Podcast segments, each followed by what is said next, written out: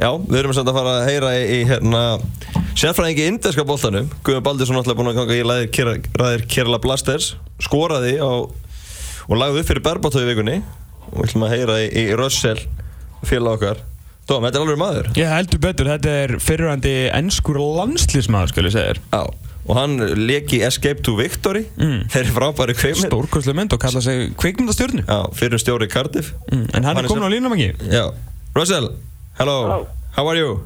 I'm very well, thank you. Yeah, we're calling from Iceland Yes. yeah, how is it there? Nice and cold? Yeah, yeah, must be better weather where you are Yeah, it's a lot warmer. Yeah. Nice sunny still. Yeah, yeah. So, what can you tell us about uh, the football in, in India uh, and and Gudjon Baldursson? How has he been playing his first few games?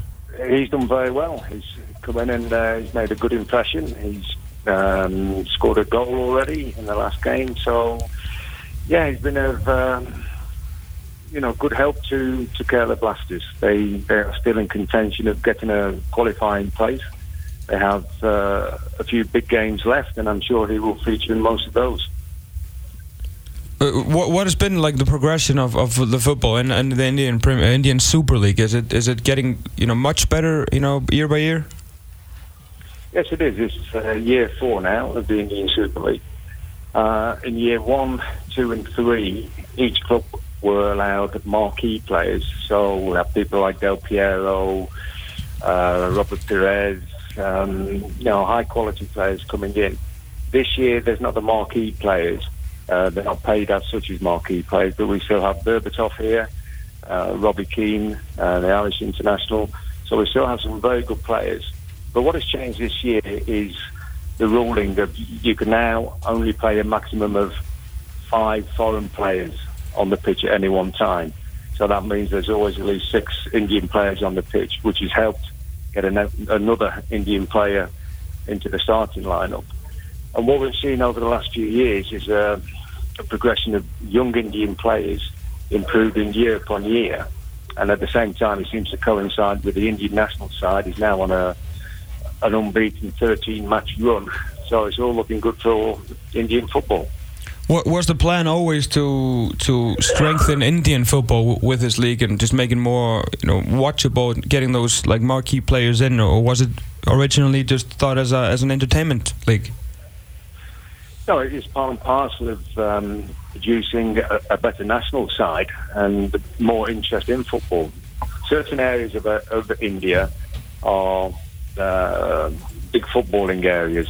Um, Calcutta is a big football area. Down south in Goa and Kerala are big football areas, and the same up in the in the northeast.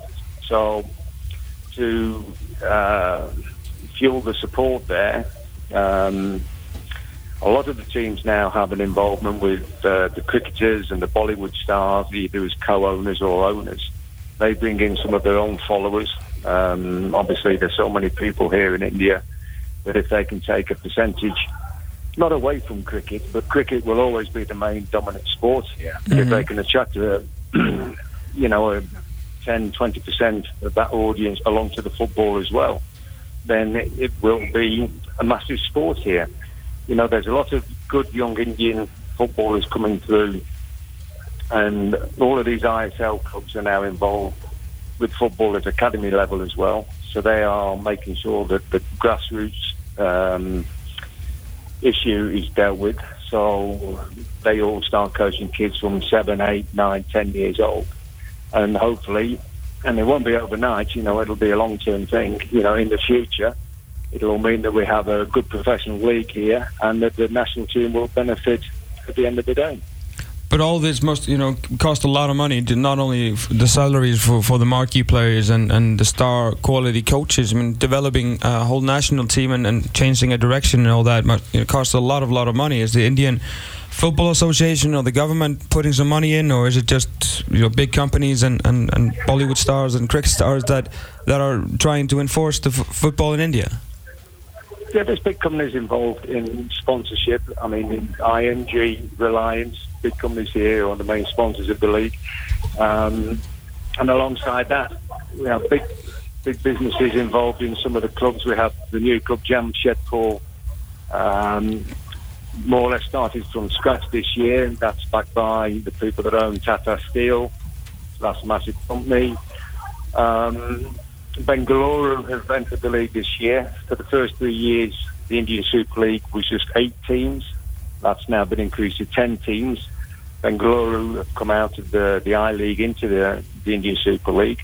Jamshedpur, as I said, is a new startup team this year that's been run by Steve Coppell. Um, they have good funding and, um, you know, they're doing very well. And at the moment, Bengaluru, in the first year in the ISL, they're top of the table. Jamshedpur are, I think they're lying in fourth, and they're two new teams in the league this year.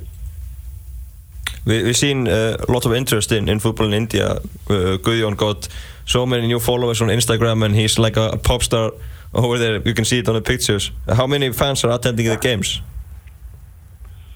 Oh, I mean, the multimedia business is massive over here. You know, when you have um, such a, a big population, I mean, we're in Mumbai at the moment, and in Mumbai, in the metropolis of Mumbai, there are more people here than in the whole of Australia, for example. So if you can just have a small percentage of those people following you, you know, on multimedia, on Twitter, on Facebook, on Instagram, whatever it is, then you have a massive following. And there are a lot of people now showing a lot of interest in the football. And uh, like I say, with the involvement with the Bollywood and the cricketers, then uh, people get used to, you know, following idols. You know, a lot of the footballers are now becoming uh, quite idolised within within this country, and also they're making a name for themselves around the world. What is the wage, wage structure in, in, in, the league? Is it anything like the MLS with like marquee players and then mid level and low level? I mean, where is Gudjon at? I mean, how how much do we think or you know he's he's making for these couple of weeks? He's he's, he's staying over there. I have no idea how much he will get, but um, I think the top player this year will be on maybe for a five month contract. Uh, I think he's on five hundred thousand dollars. Um, but that's the, the top level. Yeah. Um, below that, there'll be some on 300,000. That's for the whole of the, uh, the term of uh, the season. Mm. Um, so there is some good money here. Okay. Yeah. Dimitar Berbatov, he's playing a new position at Kerala on the midfield. Yeah, I mean, he's had one or two injury problems, so he's only played probably four of their games so far. You know, he played for 80 minutes the other night, scored his first goal of the season. Um, and it's interesting, you know, he, he thinks the game should be played a little bit slower, uh, but the game is quite quick here. Um, and some top class players find it difficult to play at, at a lower level. You know, not all the players are at the same level here, you know, and you have to be able to, in a way, acclimatise yourself to your surroundings and the people that you're playing with.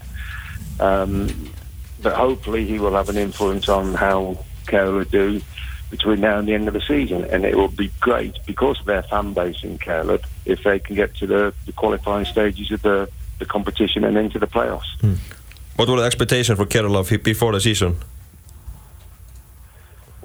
I think they can get into the top four, but they have a tough have a tough run in now. Um, they have big games to play against some of the big teams.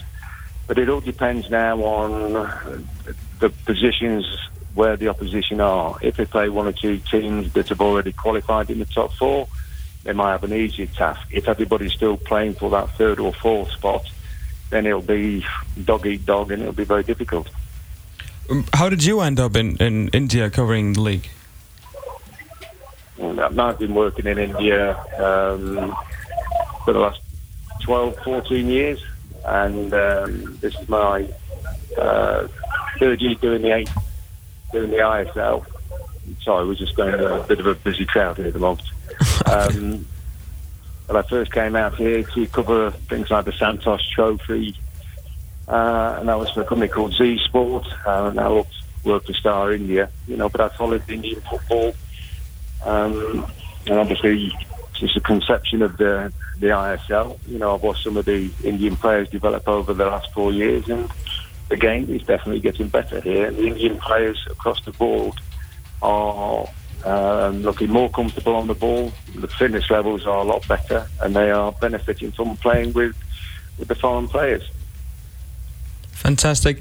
Uh, so Russell, just thanks so much for, for giving us the time, and if you meet uh, we all the best from Iceland. Great. Okie dokie. Thanks very much. Thank you, Thank bye you, bye. thank you Bye bye Ó, þetta var uh, Russell Osman sem að leika á sinni tíma 11 landsleiki fyrir englendinga Já, gorki meira en að minna ég, hérna, og líka eins og Maggi sagði þetta áðan í henni stórborðinu kvikmynd uh, Escape to Victory þar sem að sáast meðal annars Pele og þetta voru alltaf Sylvester Stallone og, og Michael Caine sem að líka í henni Já. fyrirandi þjálfari, ja, knattspundustjóri Cardiff Mhm. En þetta er rosalegt hérna hvað Guðjón er til þess að fá mikla aðtegli á samfélagsmiðlum. Þetta er náttúrulega bara næst fjölmennasta land jarðarinn Já, og eins og segja, þetta er rosalega lítil að það er alltaf ekki- milljarður. Já, og það, það, það er ekki mikið að því fólki að fylgjast með fótboltanum til að þetta sé sko svakalega tölur. Nei, ég Það er er- lækaði einhverja mynd hjá honum. Já, ég bara sé ekki eftir einu ég er miklu heiminum sko. Þú veist það bættist við follower hjá mér á Instagram. Já, Ég er alltaf að nota ekki já, Instagram sko. já, já. Nefnum bara til að skoða fótboltamyndir og já, eitthvað. Já, og, hérna, og þannig að þeir eru, eru sko málið er að þeir eru svona eins og var að segja sko svona þessi multimedia bransi og þessi sjómansbransi sko ég held að það, ég veit ekki hvort að fólki átti sig á starð og svona fandóminu og, og svona trillingnum í kringum Bollywood sko. Þú veist, Bollywood stjörnunar þær eru svo Englandi Mhm. Þú veist, það er eiga svo mikið af peningum að það, ég kemur ekkert á orð að það séu bara mættar inn að kaupa og taka þátt í að virka ykkur fótboltalið sko Já, bara ef, ef sko Bollywood stjarnar sést út á götu það er bara, það er ekkert Mm. á meða við ef einhver svona, skilur það ég meina ef einhver Hollywood stjarnar sést sko einhver staðar á, á vergangi þá bara svona, á ok, wow, geggjað maður da, da, da, sko. en Bollywood stjarnar einhver staðar í miðborgum Mumbai bara miðborgir leggst á hliðina sko. já. Kerala Blasters er með 21 stig eru stíi frá fjórðarsættinu og efstu fjögur liðin fari í úslitakeppni mm. Þannig að það er mikil barða framöndan og í þessum þrejum leikir sem að Gauji Balt hefur, hefur spilað þá komið tveir sigrar og, og eitt jafntefli og það er bara magnað að sjá hann bara allt einu að spila með Berbatov og leggja upp fyrir tímtal Berbatov. í, í Það síðasta með leik. stjarn og ekki verið reykjarsvöldin í gerð þá var hann að taka selfie með Berbat og West Brown og Robbie Keane. Ég sá það. Já, þetta, hann er alveg í fínum málum sko. Ég held ekki að aðalega sé til dæmis menn eins og Dimitar Berbatov í fínum málum. Þess að við konum eitthvað svona til að hlaupa í kringu sig. Já, ánæg með Berba að vera á miðjunu í síðasta leik. Já, ég Bara að dreifa. En hversu heitt er hann? Það? Gauði ekki að fara það var Svakal heitt. Grennast eitthvað? Eða svona er ekki að fara að missa Misti, hvað var það? 2-3 kíló bara einu leikum Já, einmitt. Þetta er bara þar sko, vökutabið Eða mitt Já, hann fara nú að vantala aftur Hendir sér í, í Gatorade eins og Maggi Já, já, það er Eftir, eftir erfiðu dagana Algjörlega. Exit 977 og þú hlustar